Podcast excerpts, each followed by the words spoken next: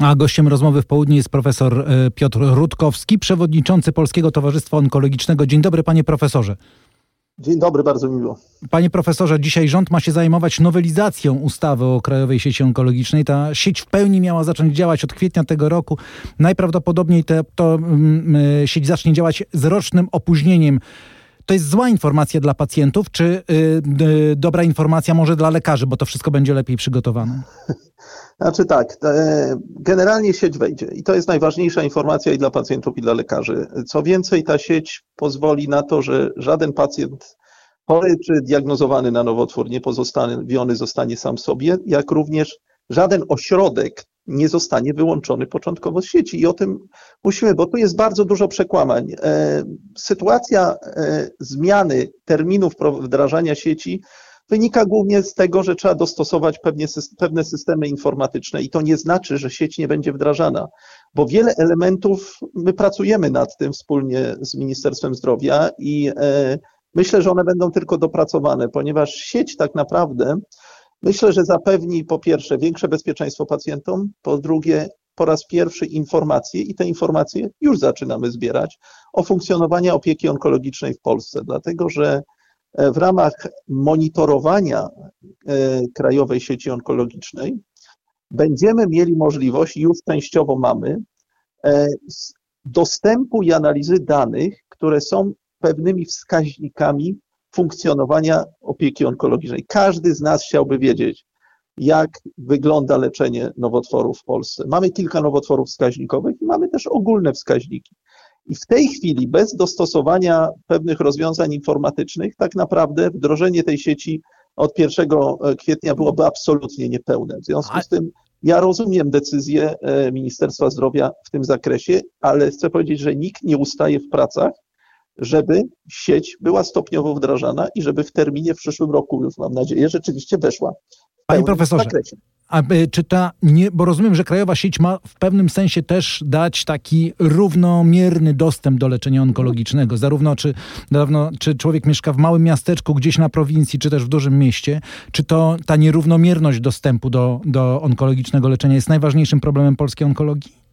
To jest jeden z ważniejszych problemów, ponieważ jeżeli popatrzymy, że prawie pół miliona ludzi było konsultowanych w Narodowym Instytucie Onkologii w zeszłym roku lub leczonych, to, to nie jest wcale idealna sytuacja, żeby wszyscy chorzy jeździli do kilku ośrodków w Polsce. Oczywiście, że sieć jest też potrzebna dlatego, że mamy też nierównomierny rozkład specjalistów w Polsce. Są ośrodki, są centra czy regiony, jak na przykład pomorskie, mazowieckie czy śląskie, gdzie koncentruje się większość specjalistów. Ale właśnie o to chodzi w sieci, żeby chory mógł być leczony bliżej miejsca zamieszkania, pod kontrolą tej ośrodków wysokospecjalistycznych mm. i nie musiał podróżować 300 kilometrów, bo część terapii jest spokojnie dostępnych bliżej miejsca zamieszkania, ale nie jest wykorzystywanych, bo nie była postawiona właściwa diagnostyka. I to jest bardzo ważny element sieci. I tu potrzebni są co? Koordynatorzy i system teleinformatyczny. W tej chwili tak naprawdę mamy dopiero budowę sieci koordynatorów. Pomimo, że zgodnie z ustawą każdy ośrodek ma koordynatora, ale ja widzę, ilu potrzebujemy jeszcze dodatkowo koordynatorów, choćby w Narodowym Instytucie Onkologii. Panie profesorze, nasuwa, nasuwa, się takie pytanie, przepraszam, że panu wejdę w słowo. Y, dlaczego mamy w gruncie rzeczy budować kolejną sieć, sieć wyspecjalizowaną, sieć szpitali onkologicznych, dlaczego ta opieka onkologiczna nie może być w takich normalnych szpitalach ogólnomedycznych? Tak wydaje się, że to bardzo zdroworozsądkowe myślenie, ale czy to nie może w ten sposób działać? Ale to właśnie tak ma działać. Bardzo dobrze pan powiedział ponieważ część procedur spokojnie będzie wykonywana właśnie w tych normalnych szpitalach. Tylko chodzi o to, że jeżeli dany szpital ma tylko na przykład chirurgię albo ma tylko oddział mały onkologii klinicznej, to nie ma wszystkiego, co jest w stanie zapewnić pacjentowi. W związku z tym ustalenie leczenia może się wiązać z tym, że część leczenia będzie prowadzone w tym szpitalu, a część leczenia będzie prowadzone w innym szpitalu, ale pod kontrolą, w sposób skoordynowany. Teraz wygląda to tak. Pacjent dostaje skierowanie, musi sobie znaleźć ścieżkę, e, co ma z tym zrobić, albo ma nawet rozpoznanie, ale nie wie, gdzie się zgłosić. Stąd potrzebna właśnie infolinia, która też jeszcze nie została wdrożona. W związku z tym, jak pan się domyśla, jeżeli nie mamy wdrożonej infolinii, to trudno to skoordynować. Musi być sieć koordynatorów, których wiemy, do kogo się zgłosić, bo co z tego, że mamy ponad 40 koordynatorów w instytucie i mamy zbudowane e, połączenia z kilkoma szpitalami na poziomie Mazowsza, jak tak mhm. naprawdę to jest wszystko ustalone tylko i wyłącznie indywidualnie. W związku z tym to jest dla pacjenta jest konieczne, żeby koordynator umówił na przykład pacjenta albo mu przekazał, jaka jest w tej chwili jego ścieżka, co ma zrobić dalej. W związku z tym, to, to się tak dzieje na Zachodzie. To nie jest tak, że my to wymyśleliśmy. Tak myślę. E, e, są szpitale, na, e, na przykład w Holandii czy we Francji, gdzie są leczone tylko pewne jednostki i chory nie będzie leczony gdzie indziej, bo to są wyspecjalizowane bardziej jednostki, ale są częste nowotwory, gdzie chory jest leczony nie wiem, jest w małej miejscowości na południu Francji i tam w okolicy ma mały szpital, w którym otrzymuje dane leczenie.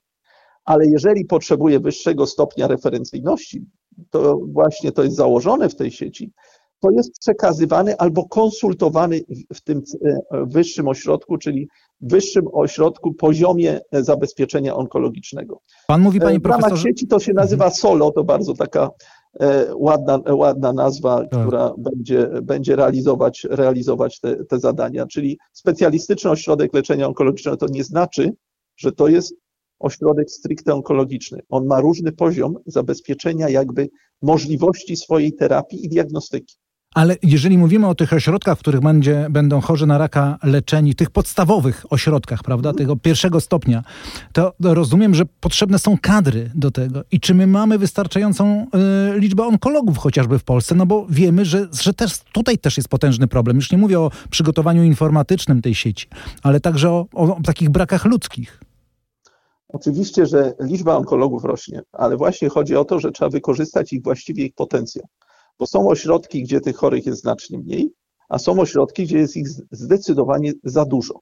I pacjent na tym cierpi, bo albo czeka w kolejce, albo długo nie może się dostać do danego lekarza. Więc to nie jest tak, że przy właściwym wykorzystaniu, nie zapominajmy, że onkologia to nie są tylko onkolodzy stricte, bo mamy choćby laryngologów, ginekologów, chirurgów ogólnych, którzy również są zaangażowani w leczenie onkologiczne.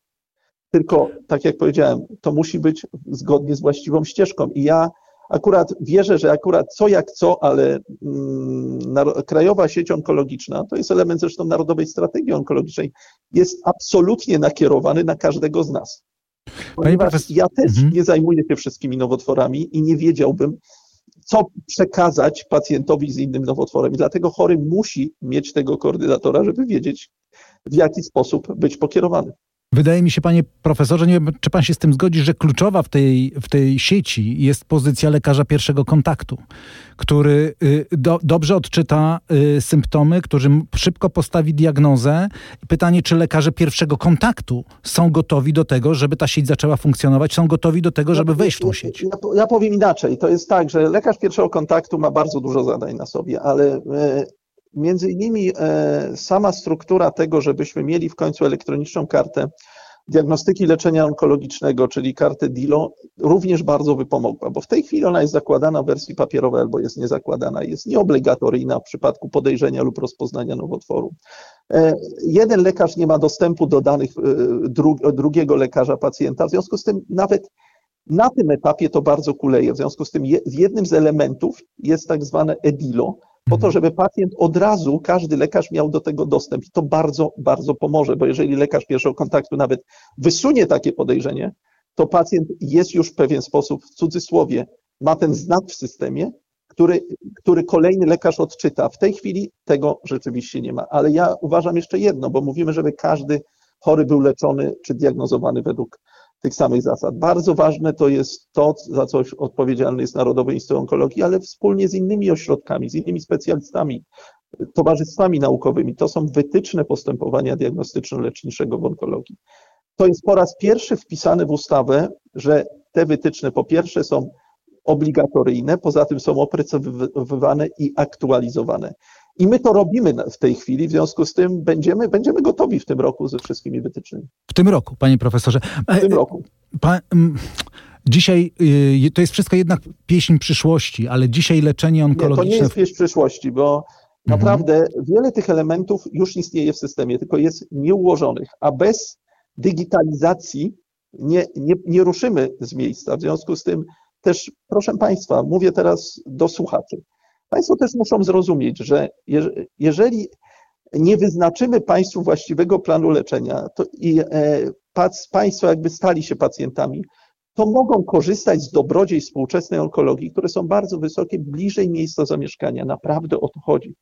Są choroby, które wymagają koncentracji, centralizacji, ale nikt też, bo to też są takie obawy, że nie będę mógł się leczyć bliżej miejsca zamieszkania. Nikt tego nie będzie zabierał, proszę zrozumieć. Chodzi o to, żeby właśnie wyznaczyć taki sposób leczenia, który jest dla Państwa najlepszy, więc e, właśnie, żeby nie obciążać tej garstki onkologów, którzy są na przykład skupieni w ośrodkach e, wyższej, wyższej referencyjności. I o to chodzi, więc to nie jest pieśń przyszłości. Ale bo, dzisiaj, panie profesorze, jak ja pojadę tak. na Ursynów do Centrum Onkologii, to widzę, co się dzieje.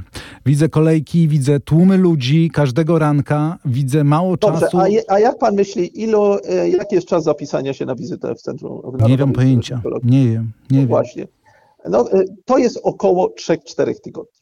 Więc to jest pierwsza rzecz. To nie jest bardzo długo. Poza tym większość pacjentów ma wyznaczone wizyty na godzinę. Część naszych pacjentów cały czas przyjeżdża znacznie wcześniej, mimo że na przykład ma wizytę na popołudniu. To jest wszystko kwestia naszej wzajemnej edukacji pacjentów i lekarzy. To nie jest tak, że to tak wygląda. Poza tym oczywiście, że jeżeli chodzi o Narodowy Instytut Onkologii, ja bym chciał, co jest przewidziane, żeby ten budynek był znacznie większy, bo ten budynek był zaprojektowany na 10 razy mniej pacjentów dziennie i tego, tego na razie nie jesteśmy w stanie przeskoczyć, ale właśnie dzięki koordynacji My na przykład współpracujemy teraz ze Szpitalem Czerniakowskim, ze Szpitalem Grochowskim na poziomie e, Warszawy, z, z e, CMKP, z oddziałem ortopedii e, w Otwocku. To pozwala, żeby pacjent również był leczony zgodnie z naszą konsultacją gdzie indziej. Co roku w Polsce umiera na nowotwory 100 tysięcy osób, panie profesorze, tak? Leczy się ponad milion. Mamy nadzieję, że to będzie, y, że te statystyki przerażające, przerażające, cały czas powtarzamy, będą się zmieniać na korzyść chorych. No to teraz powiedzmy, z czego te statystyki wynikają, jak jeszcze mamy chwilę czasu. Oczywiście. Po wynikają, wynikają z tego, że dużej części nowotworów można zapobiec. To wynika z naszego stylu życia, czyli z tego, żebyśmy nie palili papierosów. W Polsce dwa razy więcej osób pali papierosy niż na przykład we Francji.